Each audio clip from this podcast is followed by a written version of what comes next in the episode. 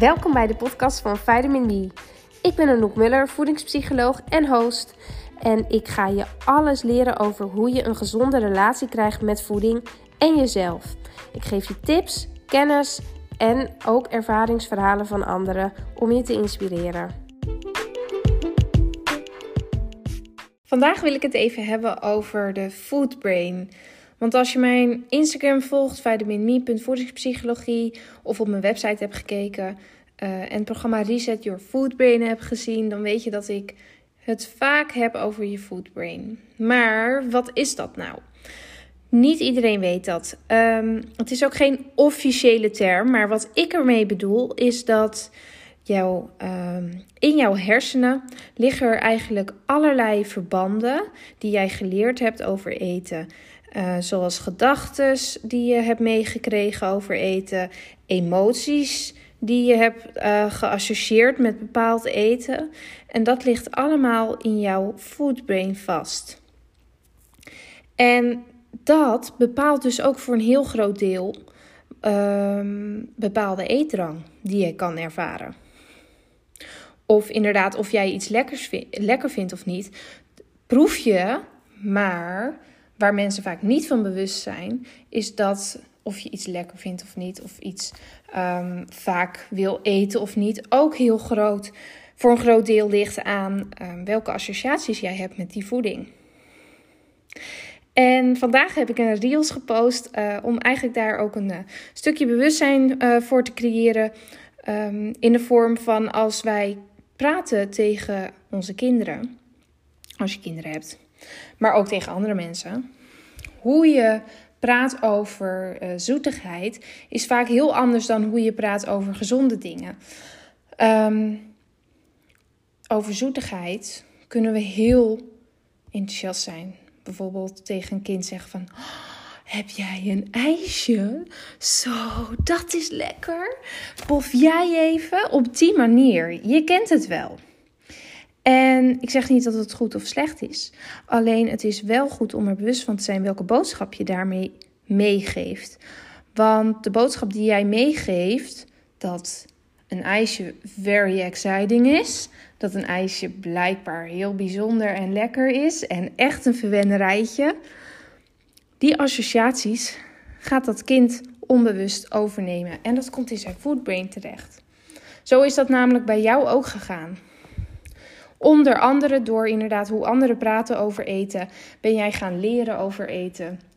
En daar uh, ben je bepaalde associaties bij gaan leggen. En um, dat gaat heel onbewust gedurende je hele leven, maar voor een heel groot deel ook in je kindertijd. En nu als volwassene zal je nog steeds nieuwe verbanden leggen met eten. Zoals je dat trouwens ook doet met alle andere dingen. Niet alleen eten, maar ik hou het als voedingspsycholoog vandaag bij eten. En over een appel of een tomaatje zijn we niet zo snel geneigd om heel excited over te doen. We doen niet van.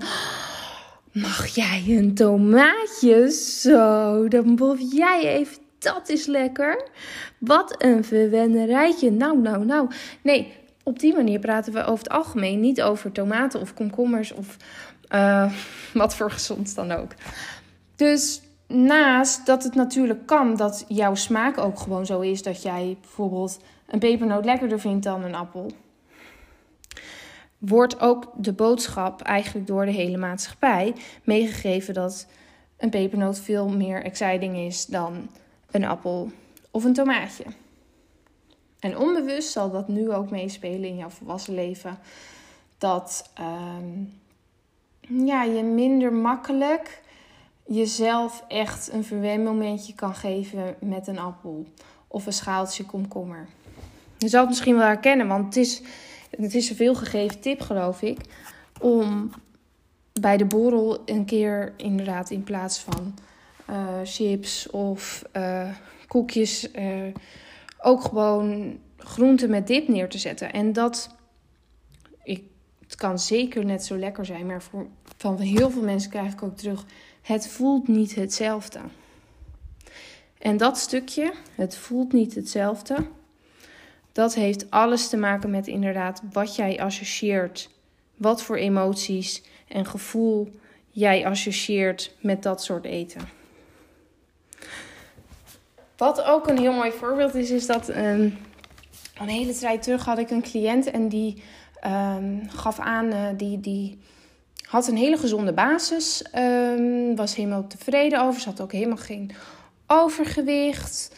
Maar eens in de zoveel tijd, als ze helemaal van streek was, dan kreeg ze heel erg zin in bakken ijs en uh, yoghurt met, um, nou ja, de, met meer suiker toegevoegd, de, de meer ongezonde yoghurtjes. Um, en dan kon ze hele bakken opeten in één keer. En nou het viel mij op uit haar verhaal dat het allemaal zuivelproducten waren.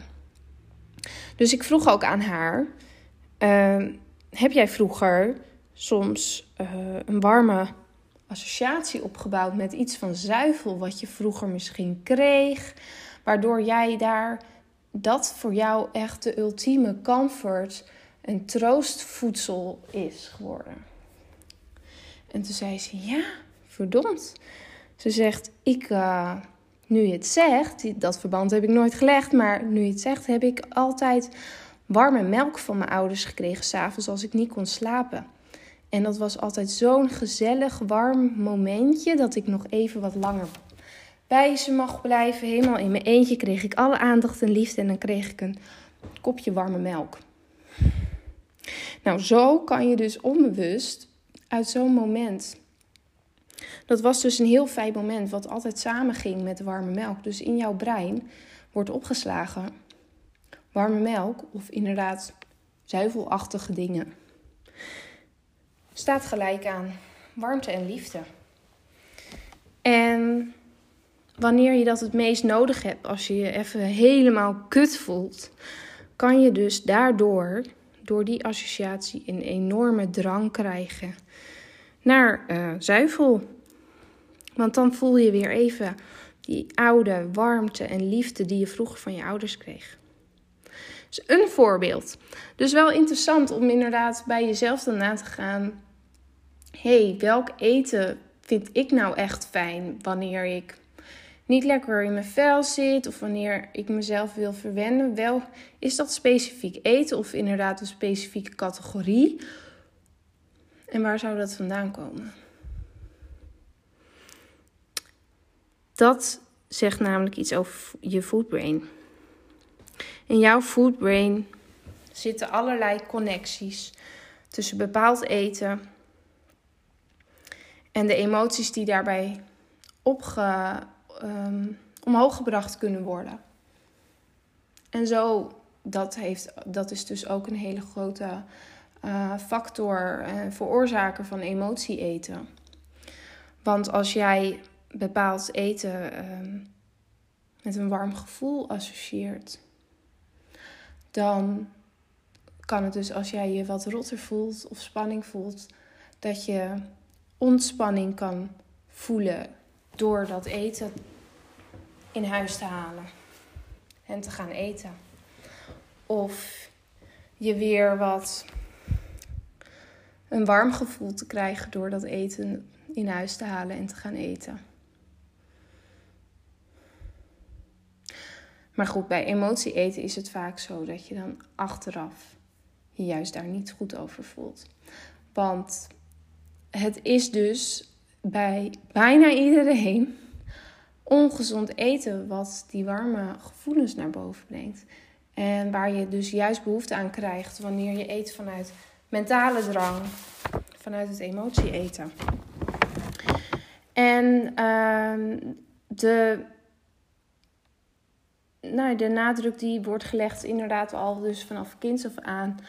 Um, met verwennerij, met snoepgoed, uh, maar ook inderdaad met heel veel excitement een koekje geven en al, al bij vertellen dat het zo lekker is. Of inderdaad, je hoeft het niet eens tegen het kind te zeggen, maar misschien dat je, dat je ook wel als kind anderen hebt horen praten over koekjes. Van ja, ik zou het eigenlijk niet mogen, maar het is zo lekker, kan er niet mee stoppen dat soort dingen kan een kind ook allemaal gaan opslaan. Van oké, en ook als zijn waarheid gaan zien. En dat is, um, hoeft niet allemaal, maar specifieke dingen kun jij ook opgeslagen hebben in je foodbrain en overgenomen hebben van anderen. En dat dat nu jouw eetpatroon beïnvloedt. En nu ervoor zorgt dat het voor jou zo moeilijk is om een gebalanceerd eetpatroon te volgen die jij wil. Dus naast dat jij iets lekker vindt of niet, maakt ook de, de warme associatie die je hebt met snoepgoed um, bepaald eten heel erg aantrekkelijk. En bepaald eten helemaal niet zo aantrekkelijk. Terwijl je het misschien wel gewoon puur lekker vindt.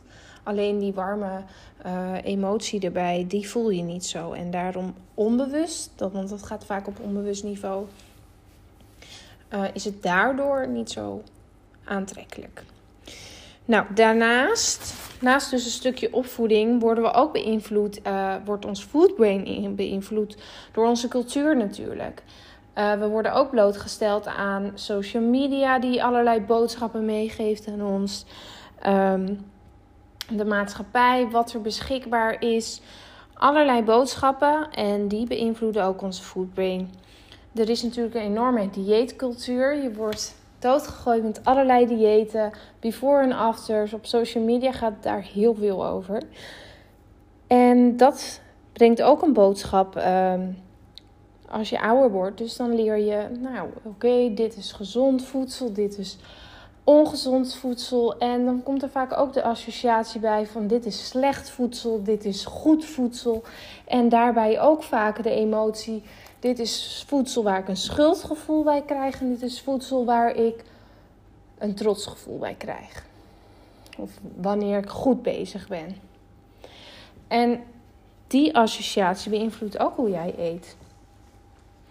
Want als jij bijvoorbeeld inderdaad bij bepaald eten ook een schuldgevoel-associatie hebt, dan wanneer je eigen waarde erg laag is, je niet lekker in je vel zit, is de neiging ook groter om naar schuldgevoel voedsel te grijpen. Slecht voedsel. En wanneer jij goed in je vel zit, wanneer jij uh, vol zelfvertrouwen zit, en eigenwaarde hoog is, dan is die neiging er niet. En dan zal jij heel makkelijk gezond voedsel pakken. Het voedsel waarbij jij de associatie hebt dat je dan goed bezig bent. En zo kan je dus ook in een cirkeltje blijven zitten waarbij je niet lekker in je vel zit, je naar schuldgevoel voedsel pakt. Uh, dan krijg je de schuldgevoel daarna. En daardoor zit je nog minder goed in je vel. Maar helaas, door je foodbrain patronen is daarna de neiging alleen maar groter om nog een keer naar ongezond voedsel te pakken waar je schuldgevoel van krijgt. En zo kan je in een patroon komen waar, waar heel moeilijk uit te komen is. Dus op die manier heeft het ook een invloed. Dieetcultuur, de boodschap die je elke keer krijgt: dit is goed voedsel, dit is slecht voedsel de boodschap die je krijgt um, dat ook voedsel eigenlijk bedoeld is om een bepaald lichaam te creëren. Er is natuurlijk een schoonheidsideaal waarmee we ook doodgegooid worden. Uh, slank zijn, um, overal zie je platte buiken en teksten van oh die kerstkilo's moeten eraf. Um, ja, misschien dat je het inderdaad niet eens meer opmerkt, want we zijn het inmiddels allemaal al gewend, maar eigenlijk gaat het heel vaak over afvallen, een bepaald lichaam, te veel vet, te veel kilo's. En ook waarschijnlijk de mensen om jou heen. Want ja, we worden allemaal beïnvloed door de social media en onze cultuur. En dat versterkt allemaal die boodschap.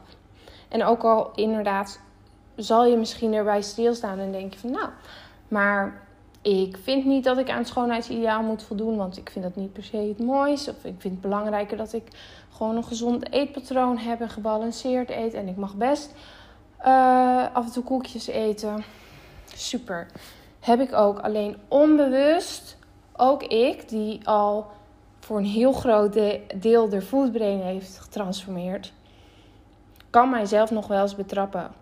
Op dat ik toch nog beïnvloed word door inderdaad die boodschappen van onze maatschappij, van social media.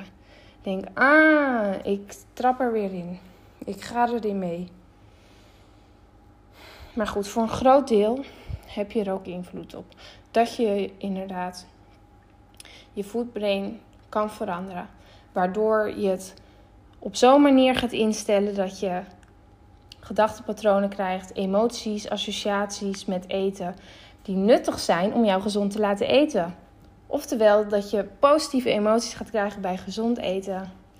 En um, die gedachtenpatroon, want dat is het meer uh, bij ongezond eten, de gedachtenpatronen die dat in stand houden, gaat doorbreken.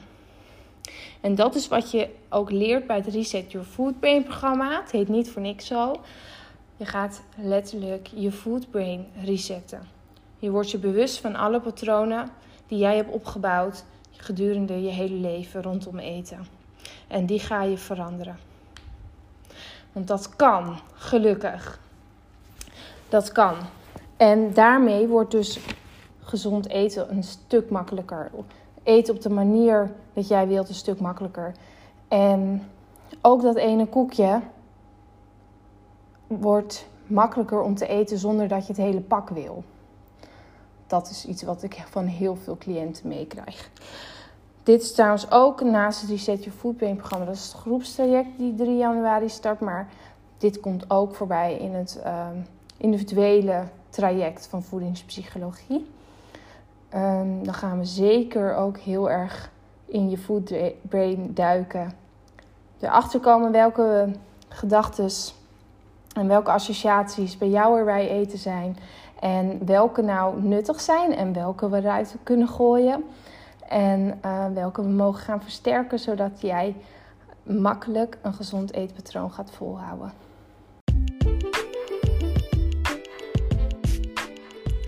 Hartstikke bedankt voor het luisteren. Ik hoop dat je het interessant vond. En als je het leuk vond, laat dan een review achter. Daar zou je me ontzettend mee helpen om de zichtbaarheid van deze nieuwe podcast te vergroten. De volgende week vrijdag is er weer een nieuwe podcast. Dus hou Spotify, Apple Podcast. Ik sta volgens mij overal. Hou het in de gaten. En dan kun je meer horen van Vitamin Me voedingspsychologie.